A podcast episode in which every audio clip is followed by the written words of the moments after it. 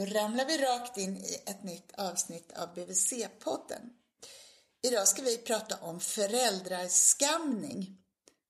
Ett ord som kanske inte är så bekant eh, som ord. Om man googlar det så eh, hittar man mer om man googlar det på engelska. Men jag, vi tror att det är någonting som alla föräldrar känner igen. Varför har du skaffat barn om du inte vill ta hand om dem?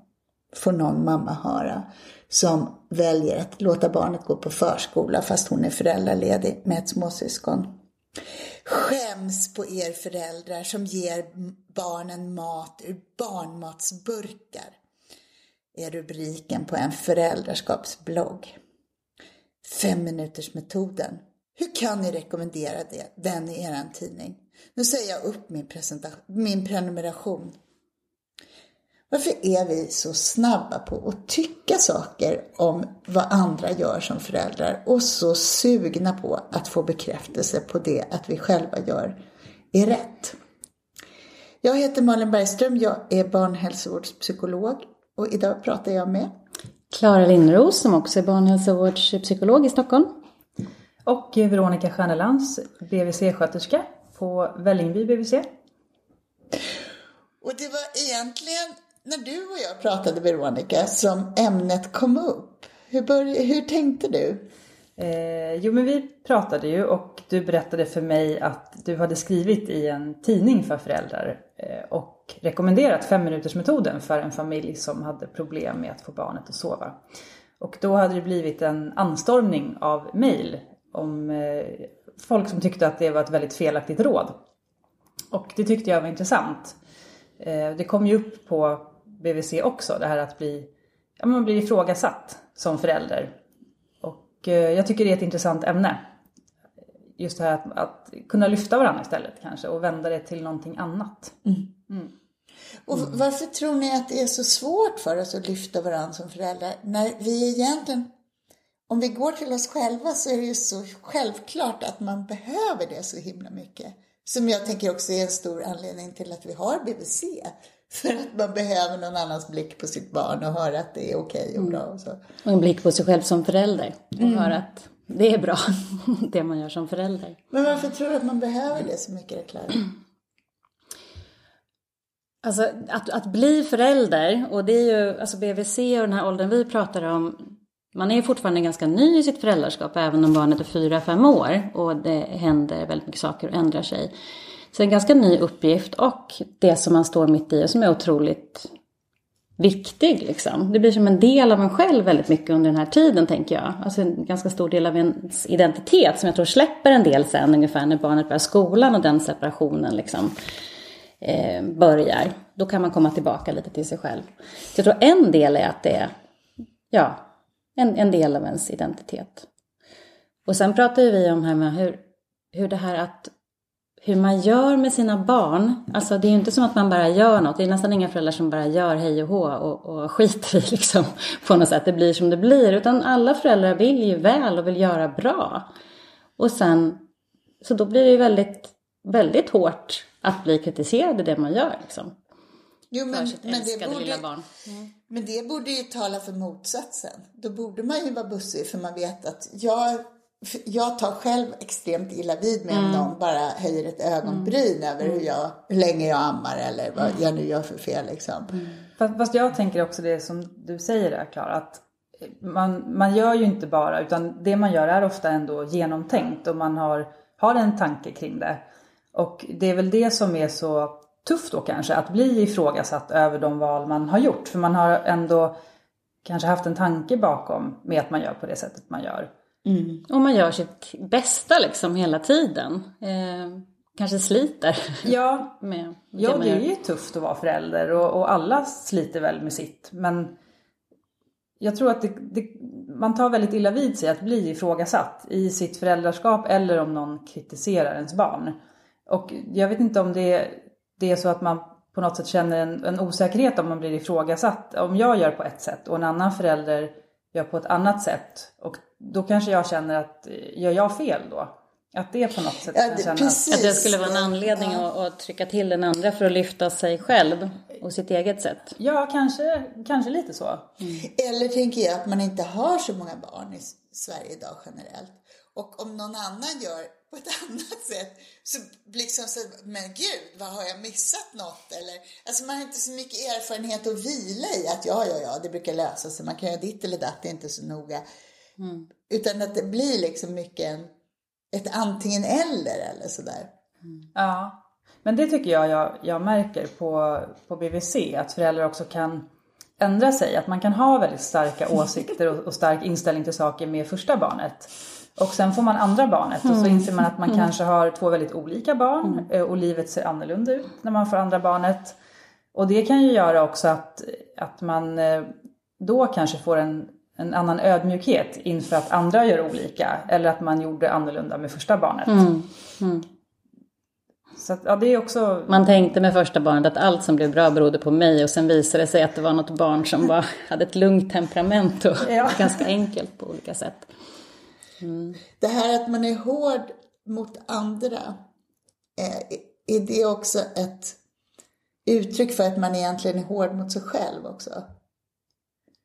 Ja, det blir ju som, ja, jag förstår vad du menar, att det, allt blir ganska tillspetsat på något sätt. Eh, jag sa ju vi brukar ju när vi föreläser för BBC, jag och Malin som vi gör ibland i Stockholm, då brukar vi ibland börja med någon bild som är allas vårt behov av en guidebok och att prata om att så många föräldrar kommer till BVC och vill liksom på något sätt ha guideboken. Hur gör jag? Vad är svaren? Vad är det rätta och vad är fel? Vad ska jag absolut inte göra och hur ska jag göra? Och att man har liksom en Ja, men en utmanande men kanske rolig uppgift är att liksom möta upp och balansera att det här beror på vilka ni är som föräldrar och, och vilket barn ni har fått och hur ni får ihop ert liv, eller? Mm.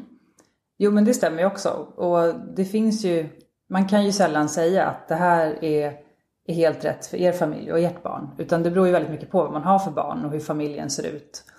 Eh, och kunna ge exakta svar är ju väldigt svårt vad gäller någonting egentligen som, som gäller barn.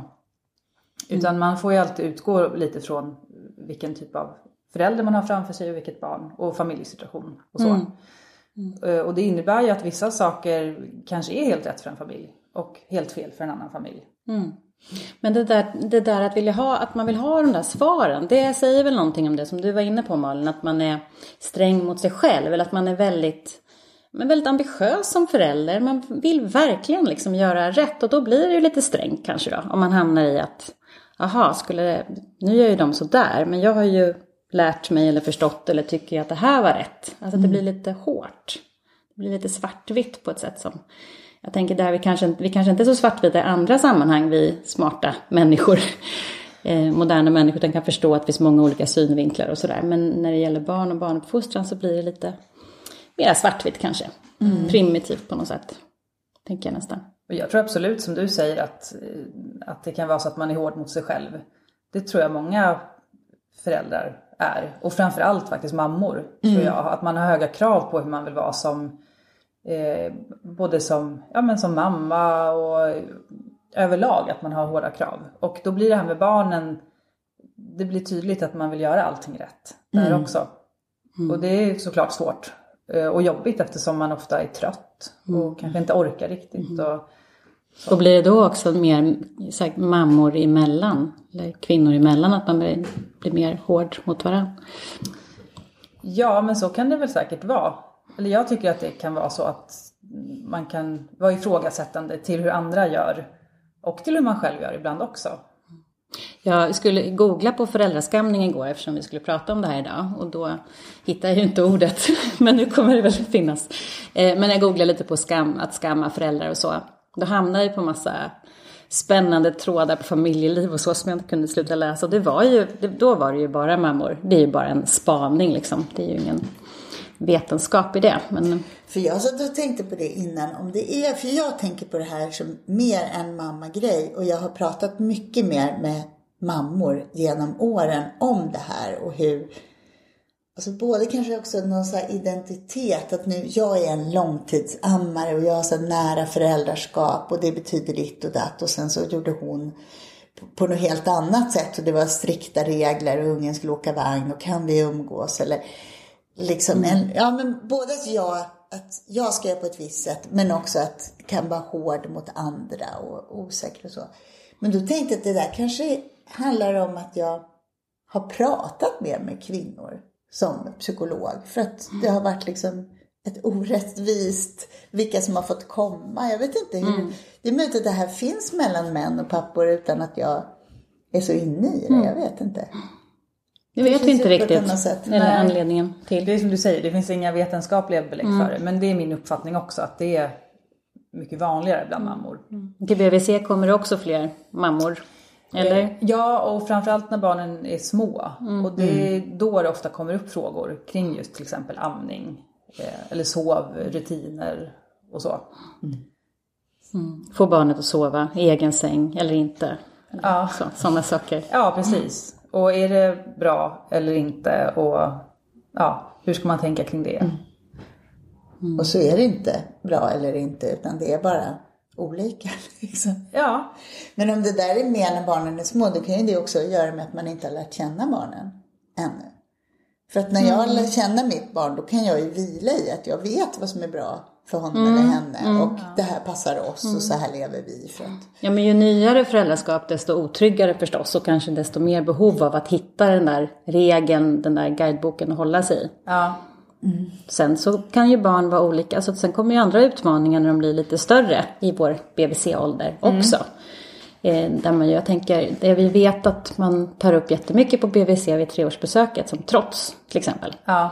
är ju en sån sak där jag tycker också att det känns som att det kan bli rätt mycket olika åsikter hit och dit sådär. Så det tycker jag att jag har hört en del när jag har träffat och jobbat med föräldrar. Att hur man tycker sig i alla fall. Man kanske har blivit liksom ifrågasatt som förälder i hur man har hanterat någon konflikt på någon offentlig plats eller, eller så har man tyckt sig bli det eller ja.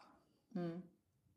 Det kan vara rätt laddat i den åldern. Absolut. Och visst är det så att vissa saker kommer ju mer med vissa åldrar.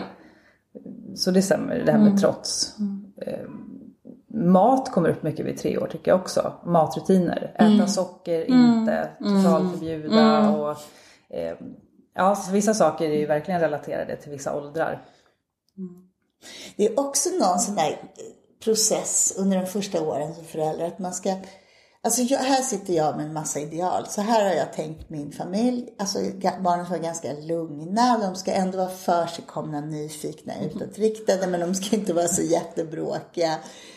Eh, de ska äta så här. Alltså mycket idéer, så här vill jag ha det. Och sen så har man ju några barn som man måste stötta och älska som kanske inte alls passar i det där. Utan som är skitbråkiga eller jättemesiga mm. eller liksom.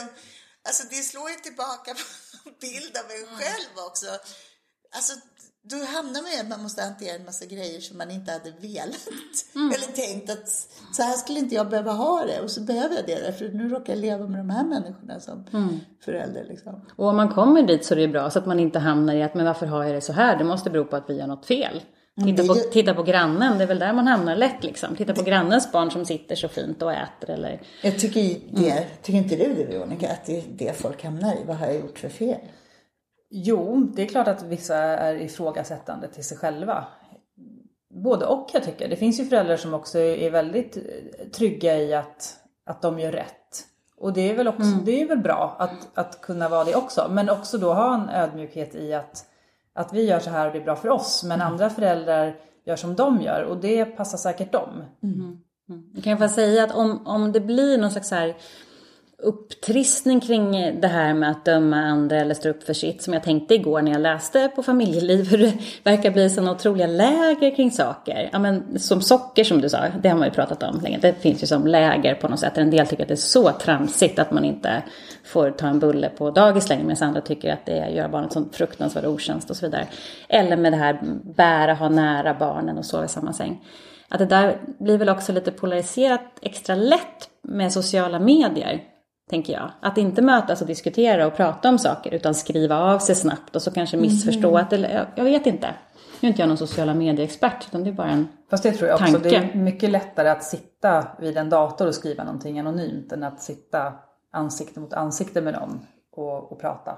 Ja, och det blir ju det blir... svårare just att eh, nyansera det här liksom å ena sidan och å andra sidan och, och ibland blir det undantag. Eller, ja, det blir kanske mer svartvitt. Men det kanske förstärker, men jag kan tänka på föräldragrupper på BVC att jag tycker också att jag träffar mycket kvinnor, mammor som alltså hamna i en föräldragrupp där man inte känner sig hemma och där man känner sig Även om man inte blir öppet ifrågasatt, bara att man känner sig annorlunda mm. kan bli en jättejobbig grej för en. Mm. Och att det då kan vara ändå en trygghet om det finns en grupp som heter så här nära barn.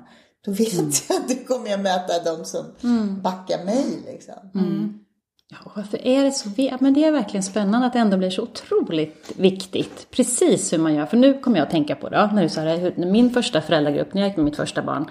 Och då började jag jobba när hon var 10 månader och alla andra i gruppen skulle börja jobba när barnen var 12 månader. Det är, så, det är så liten skillnad.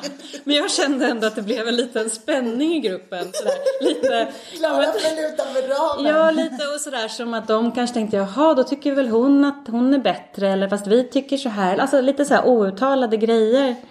Vet. Ja. Mm. Och då ska jag tänka nu, men vad var det för skillnad mellan 10 och 12 månader? Ja. Mm. Och hur mycket val är sådana saker? Men vissa grejer är ju bara som de är liksom. Ja, ja. Mm. ja precis. Och det är också lite sådär opratat.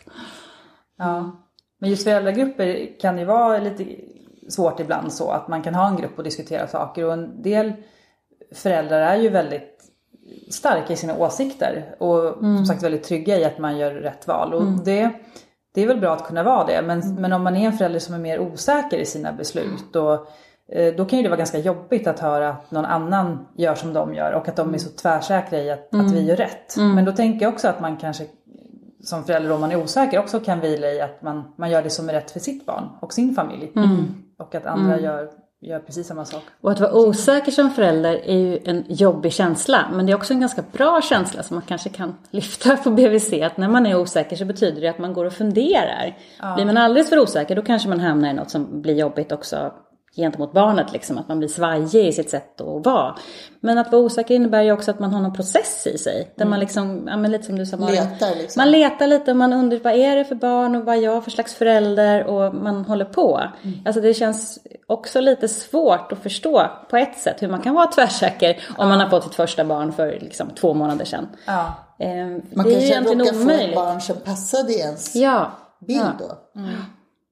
Men du Veronica, om man som gruppledare i föräldragrupp, då ska man balansera det där på något sätt. Mm, det får man ju försöka göra lite snyggt. Mm. och det är kanske inte alltid så jättelätt. Mm. Men, men jag, jag tycker att vi, vi gör nog alla det som jobbar på BVC, att man försöker alltid vara nyanserad och tänka att å ena sidan kan man göra så här men man kan mm. också göra så här. Mm. Att man lämnar det öppet för flera val. Mm. Eh. Och jag tänker lyfta det här med olikheter. Att barn är olika redan från början. Att temperament är medfött liksom och innebär att stora skillnader. Det skulle mm. man ju vilja liksom att man kunde prata om på BVC. Olika temperament kommer innebära olika föräldraskap. Liksom. Mm. Absolut. Och sen även som du pratade om det här med att man är osäker, att det är en process i en. Det tycker jag också mm. är väldigt klokt med mm. tanke på att barnet utvecklas ju också hela tiden och det gör ju föräldraskapet också. Och ibland händer det ju saker som gör att barnet kanske ändrar beteende. Eh, att få syskon eller att föräldrarna separerar. Mm. Det gör ju också, det skapar ju andra förutsättningar i mm. föräldraskapet. Mm. Så det, det är bra att, att ha en, en pågående tanke Mm. Det är också, någonstans sitter jag och tänker på att det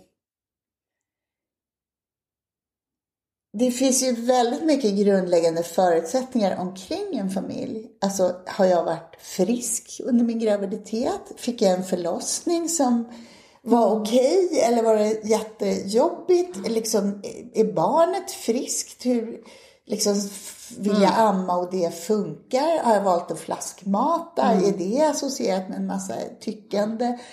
Eh, vad har vi för pengar? Alltså, det är ju så mm. otroligt mycket omkring som det är väldigt så privilegierat att kunna bortse från sådana faktorer som ändå styr mm. våra liv i väldigt hög utsträckning. Mm. Som att vi ska liksom ha ett gap mellan oss för att jag börjar jobba vid tio månader och inte vid tolv. Det, det kan ju så en väldig massa faktorer mm. som spelar roll för det där. Till exempel vad jag har för jobb liksom. Men att, att intressera sig för det och fundera på det och det skulle man ju verkligen vilja slå ett slag för, eller hur? Med det här poddavsnittet och stötta varandra med hur man kämpar. Och nu ska jag berätta en till historia från mm. mitt liv. Det blir en sån podd. Nej, men jag kommer ihåg när eh, min eh, yngsta treåring fick ett total, en total urballning på ett badhus. Och ni vet, efter en lång dag i badhuset då är ju alla helt slut. Och det var så, ja, det var så hetsigt och skrikigt och jag fick bära ut henne till slut. Och det är ju det, man är så medveten om allas blickar och hur, andra, hur alla, man föreställer sig vad andra tänker om en. Och så när vi kom ut utanför så kom det ut en dam till mig sådär 65-70 års åldern då och var, åh, sa någonting sådär stöttande, men oj, vilken tuff tjej, det där är skinn på näsan, det kommer gå bra för henne, vet du. Hon, hon vet vad hon vill och, och sådär. Och bra gjort liksom till mig lite. Det var så skönt, det var så otroligt skön känsla att liksom, ah, okej, okay, skit i det där nu liksom. Istället för att jag kanske hade suttit och bara, åh, oh, vad pinsamt, vad jobbigt. Och, och gissat att alla dömde mig. Mm. Att ge de där liksom lite uppmuntrande kommentarerna till varandra, det skulle man vilja ha lite mer av. Mm, verkligen. Ja, verkligen. Åtminstone lika ofta som det kommer kommentarer åt andra hållet. Som ja. är kritiserande istället. Mm. Mm. Bara ingen kritik. Vi säger nolltolerans. ja, Nej, men lite mer sådär fråga och intressera sig och ja, hur ja, det att ni gör sådär? Fast jag skulle mm, verkligen vilja gå ett steg längre och det är att jag tycker det räcker inte att man låter bli att ge varandra onda ögat utan man ska backa varandra konkret. Alltså man ska hjälpa, om en unge härjar runt i en lekpark, man vet hur många gånger man har stått där och vi som inte råkar ha den där busiga hunden, vi ger varandra så trevliga små blickar av samförstånd och så känner man att den där misslyckade föräldern, mm. hon eller han kan släppa hem det där hemska barnet så kan vi, mm. våra små gullungar få leka. Liksom. Det är inte okej. Okay. Måste Nej. hjälpa barn. Alltså, mm. är, alla barn är faktiskt allas mm. ansvar skulle jag vilja mm. säga. Mm. Det är liksom, de kan ju ingenting själva de första fyra åren. Det är vi som ska liksom hjälpa dem. Men jag håller med där. Jag tror bara att det är svårt idag just för att man som sagt tar väldigt illa vid sig vid ja, men kommentarer. Även, jag tänker att även om det är positiva saker. Det kan vara svårt om man har ett barn som man tycker är stökigt eller man ser ett barn. Jag tänker att, att säga det då på ett bra sätt. Mm. Eller kanske be om lov till och med. Mm. Det försöker vi ju tänka på på BVC också. Det är inte alltid så lätt. Men att, att om man har en lösning på ett problem. Eller om man tycker att ja, men så här kan man göra. Att fråga, kan jag få berätta för dig hur jag tänker nu? Eller mm. så. Men just att man gör det på ett, ett, bra sätt. För jag tror att många föräldrar tycker att det är väldigt jobbigt att få mm. kommentarer om sitt barn. Mm. Så. Men ja. Mm, det är ett råd till alla mor och farföräldrar där ute också, ja. tror jag. ja, för det är ju en annan aspekt av föräldraskapning. Det är ju mm som du sa Klara, alltså inför sommaren ja. nu, när vi ska tränga ihop oss i trånga sommarstugor med släkten Precis. och så ska vi få hur mycket få åsikter som helst. Få höra massa saker om hur man ska, när de ska sova, hur de ska äta och vad de ska äta och så. Så mm. är det ju mm. inte bara, men det, det, kan ju vara rätt ansträngande. Ja.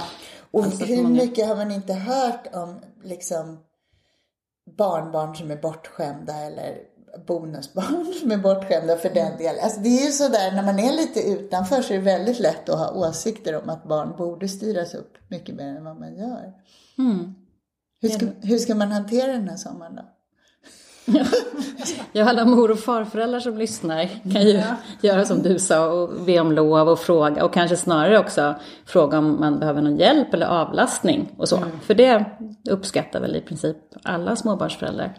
Absolut. Och man kan ju avleda barn innan de får utbrott och går bärsärk. Mm. Och det kan man göra jättebra som utomstående för att då ser man ju när saker seglar upp och då mm. kan man ju smyga dit och göra något. Så att Ofta är det ju lättare, det kan ju vara lättare för en liksom far eller morförälder att avleda också för det är inte samma liksom laddning som mm. mellan barnet och föräldern mm. om man är i någon slags liten extra bråkig period eller det är mycket. Då kan ju en del barn vara så himla på hugget om föräldrarna. Ibland går det inte att avleda, de är för smarta. Precis, och sen kanske det är så också att man som förälder det är lätt att bli stressad som förälder när man märker att barnen börjar bete mm. sig lite. Ja, och, gud, ja. Och man då också kanske känner att det blir irriterat för att mor eller farföräldrarna mm. Eh, tänker att nu blir det så här igen. Mm. Mm, men var rädd om, om de relationerna tänker jag. Mm. Det är ju viktiga relationer för alla liksom. Det är viktigt att kunna få stöd från den generationen om man kan också. Och är det inte så att man vill ha några råd, då vill man inte, men avlastning kanske man vill ha eller något slags annat stöd med lite avledning eller vad det är. Mm. Och förståelse tänker jag också från, från föräldrar att det var ju annorlunda att få barn för 20-30 år sedan med de råd man gav då kring olika saker. Eh, Det är också det här med amning till exempel är också en sån sak som ofta kommer mycket, att många föräldrar upplever att de får råd från släktingar som kanske inte alltid är så uppskattade. Ja. Och rätt mycket att den, ska den suga igen eller Ja, den måste, ja, magen måste få vila Det eller. gör inget om han eller hon skriker lite. Det, så var det när, när ni var små. Det blev ju folk av er med. Men det är kanske en bra grej att fråga. Om, om jag nu är mormor eller farmor, då skulle, att fråga barnen. Alltså vad är det som gäller idag? Hur ser man på amning? Alltså vara lite intresserad av, för det är ändå så att kunskapen tycker vi som jobbar med det här har ökat betydligt. Alltså vi tycker inte att barn ska vädra lungorna. Det blir kanske folk av dem ändå, men vi tycker inte det finns någon vits med det. Utan vi vet att beroende och självständighet hänger ihop och att om barn får närhet i början så kommer det underlätta självständighetsutvecklingen istället för tvärtom. Och, så. och det kan man ju faktiskt intressera sig lite för som, som en äldre generation. En annan sak jag kan gissa att det finns en del åsikter om, fast jag vet inte. Men det är ju det med skärmar och så, eftersom det verkligen inte fanns för 20-30 år sedan. Och att liksom, där kanske det finns en del åsikter och tankar om hur mycket man sitter eller inte sitter. Det kan man väl också intressera sig för just vad man gör. För att, eh, som vi alltid försöker lyfta fram, det är inte direkt skärmtiden, utan det kan ju vara här sitter jag och, och gör något pyssel som jag kunde ha gjort med en pysselbok, fast nu gör jag det på en skärm. Att liksom fråga lite mer, vad är det de gör? Och, ja. Ja. Plus min nya, nu har jag fått en ny sån här fix idé och käpphäst och det är att vara med barnen på skärmar. Att, alltså man behöver vara det redan när de är små för att man ska kunna skydda barn helt enkelt i den digitala världen. För att det ska vara vant för alla att man sitter ihop. Ja, och därför att man också, man kan lära redan ett barn som är två och ett halvt år, kanske inte kritiskt tänkande på liksom skolbarnsnivå, men man kan så sådana frön genom att på något sätt diskutera det som händer på skärmen. Och vem var det som sa det? Och vad tror du den menar? Och vet man vem som är där bakom? Och sådär. Sånt som kommer annars när man sitter och tittar på, om man tittar på Bolibompa med dem eller man läser. När man läser böcker så är man jättemycket så. Ja. Jag tänker jag när, när, de var, när barnen var riktigt små, då satt man ju ofta med, eller jag gjorde det, och tittade på tv-programmen. Så. Då fanns det ju inga skärmar när mina barn var små. Men då satt man ju och tittade och var liksom lite med om någonting hände som var läskigt, eller om de inte fattade någonting, eller bara för att vara med. Idealmamman. Ja, och alla som inte gör det borde skämmas. Nej, skoj, skoj. Ja. Jag ville fråga dig en grej Veronica. Du sa förut att som BVC-sjuksköterska så nyanserar man i en sån här föräldragrupp. Man försöker liksom... Men är det så... Alltså man kan ju inte prata kanske om barnuppfostran helt och hållet. Men är det så med de flesta grejer att det faktiskt är väldigt mycket upp till vad som passar en och ganska få grejer man har en sån här beslut, be, stark åsikt om att det borde vara ditt eller datt liksom. Ja, det tycker jag. Det är, barn är ju precis som vuxna individer. Och det går inte att säga att man ska göra exakt på ena eller andra sättet. Vissa saker vet vi att vi inte ska göra. Liksom, slå barnen såklart, sådana saker. Saker som är skadliga. Men annars så är det ju väldigt mycket som, som man inte kan säga att man ska göra exakt så här. Eh, Utan att man måste lämna det öppet för hur, hur barnet är och hur det ser ut runt omkring barnet, familjen och så vidare. För jag tänker tillbaka på den här fem minuters metoden. Jag kan tänka lite att de där starka reaktionerna som vi fick när jag hade rekommenderat en familj som jag bedömde som totalt uttröttade. Alltså ett föräldraskap som inte funkade på dagtid. Eh, där jag tänkte att det här måste, det, kommer, det svider för det här barnet att behöva skrika utan att få en trygg famn. Men jag bedömde att det, det, nu måste man verkligen förändra. Man måste förändra radikalt för att det här är en familj som håller på att gå sönder. Men jag tänker att de starka reaktionerna mot det, det kan ju också göra med att förut så kanske man rekommenderade det mer generellt på BVC. Att man skulle liksom styra upp, och man, precis som man inte fick amma hela tiden och sådär.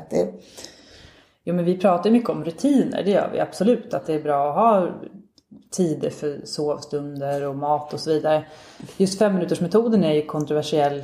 Just att man ska lämna barnet och så får det skrika fem minuter och, och så går man ut så kommer man tillbaka efter fem minuter och så Eh, så det är klart att jag kan hålla med att det kanske inte låter så humant. Men jag tänker som du där, att för vissa familjer kanske den metoden kan, faktiskt kan fungera. Om det är så att det är väldigt jobbigt för hela familjen. Ingen får sova och som du säger att man inte ens fungerar i sitt föräldraskap.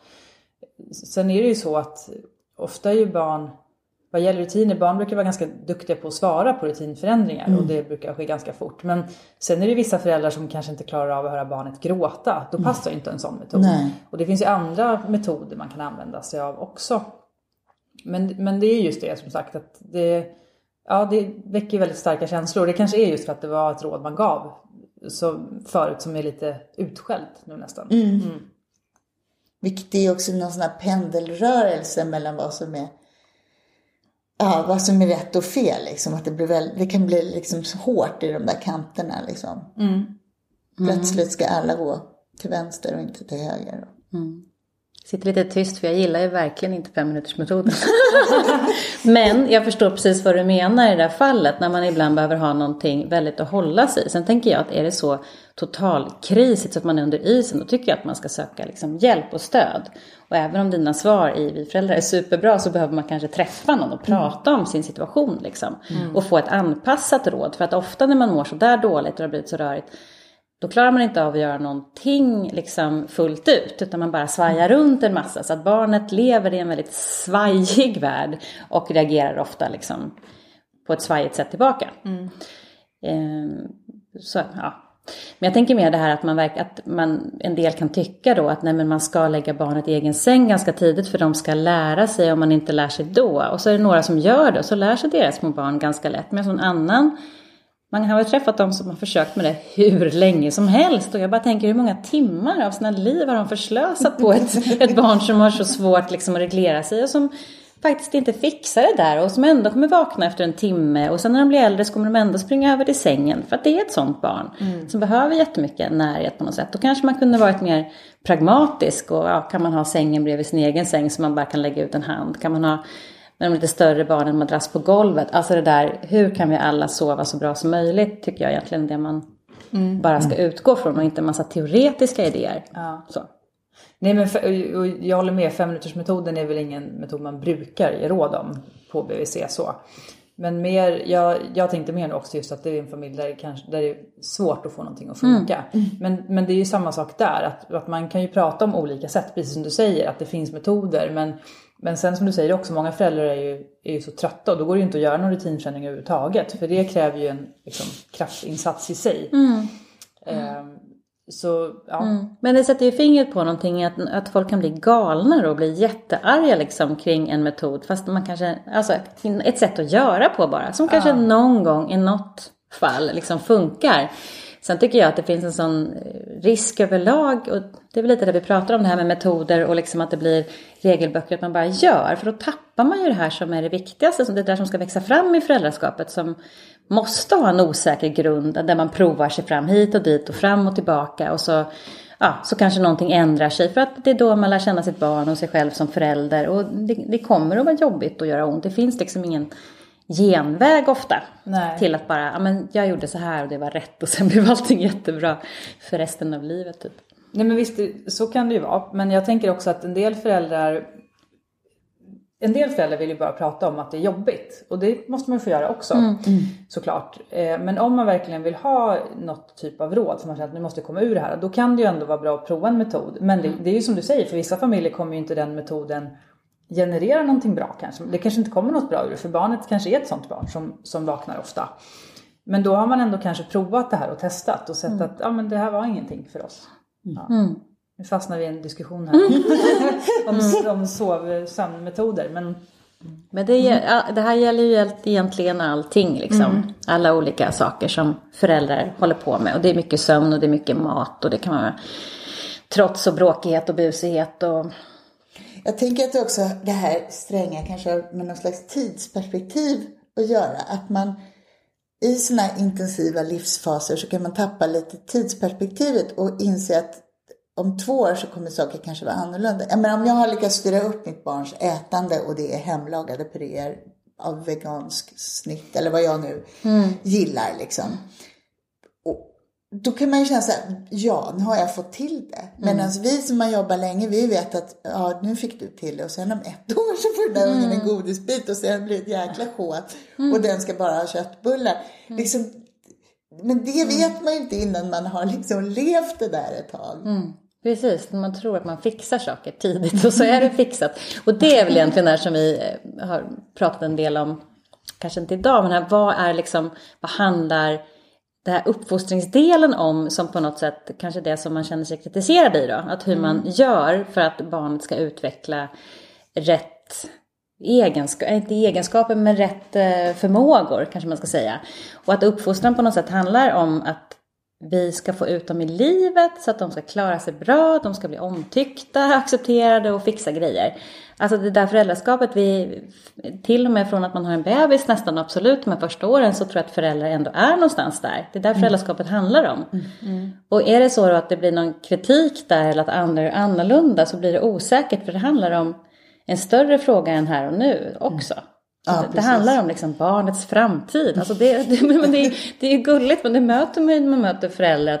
Om de är jätteoroliga för att en treåring är så besvärlig så kan det vara att om man skrapar lite och samtalar lite mer att de är oroliga för men hur ska det gå i skolan, hur ska det gå sen? Eller föräldrar till blyga barn som är så här, men hur ska det gå sen när han ska börja jobba? Hur ska det gå att nätverka och skaffa sig kontakter? Och, ja, alltså Vi, det är där vi är som föräldrar. Vi ser dem hela vägen upp till vuxenlivet.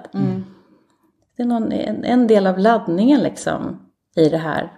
Där det, som du Malin säger, att det, det är två steg framåt, ett tillbaka och saker ändrar sig och vi vet inte vad som kommer hända, vilket vi kan försöka förhålla oss lite mer nyfikna till och tycka att det är spännande att se. Små blyga barn som plötsligt bara kablar upp armarna en dag och inte är så blyga längre eller ja, tvärtom. Om ni skulle ge... Nu, alltså vi har pratat en hel del om vad vi inte vill se. Vad vill vi se då? vad vill vi se i en föräldragrupp, Veronica? Hur sträcker vi ut händer till varandra som föräldrar? Ja, men jag tänker det här att, att lyfta varandra. Som sagt. Att, och som du sa kanske, att ge konkret feedback. Jaha, ni gör så där och det funkar för er, vad bra. Eh, vi gör så här och det funkar för oss. Det är också bra. Eh, och ja, men att, att ha lite ödmjukhet tänker jag inför det här att, att familjer faktiskt ser olika ut. Eh, Och att, att det inte finns något som är rätt eller fel för alla. Mm. Ja men verkligen, jag tycker det var jättefint det här med ödmjukhet inför att vi vet inte vad man kämpar med och vad man håller på med eller varför det är som det är. Eh, och att peppa och stötta och att om man som, som jag fick ett så fint bemötande om man ser någon som har en unge som ballar ur totalt och typ föräldern ser, ut att känna sig bortgjord. Att man, man säger någonting, ja jag kommer ihåg hur det var eller bra kämpat eller snart är den här perioden över. Eller något. sådär, så att vi är liksom föräldrar tillsammans. Ja.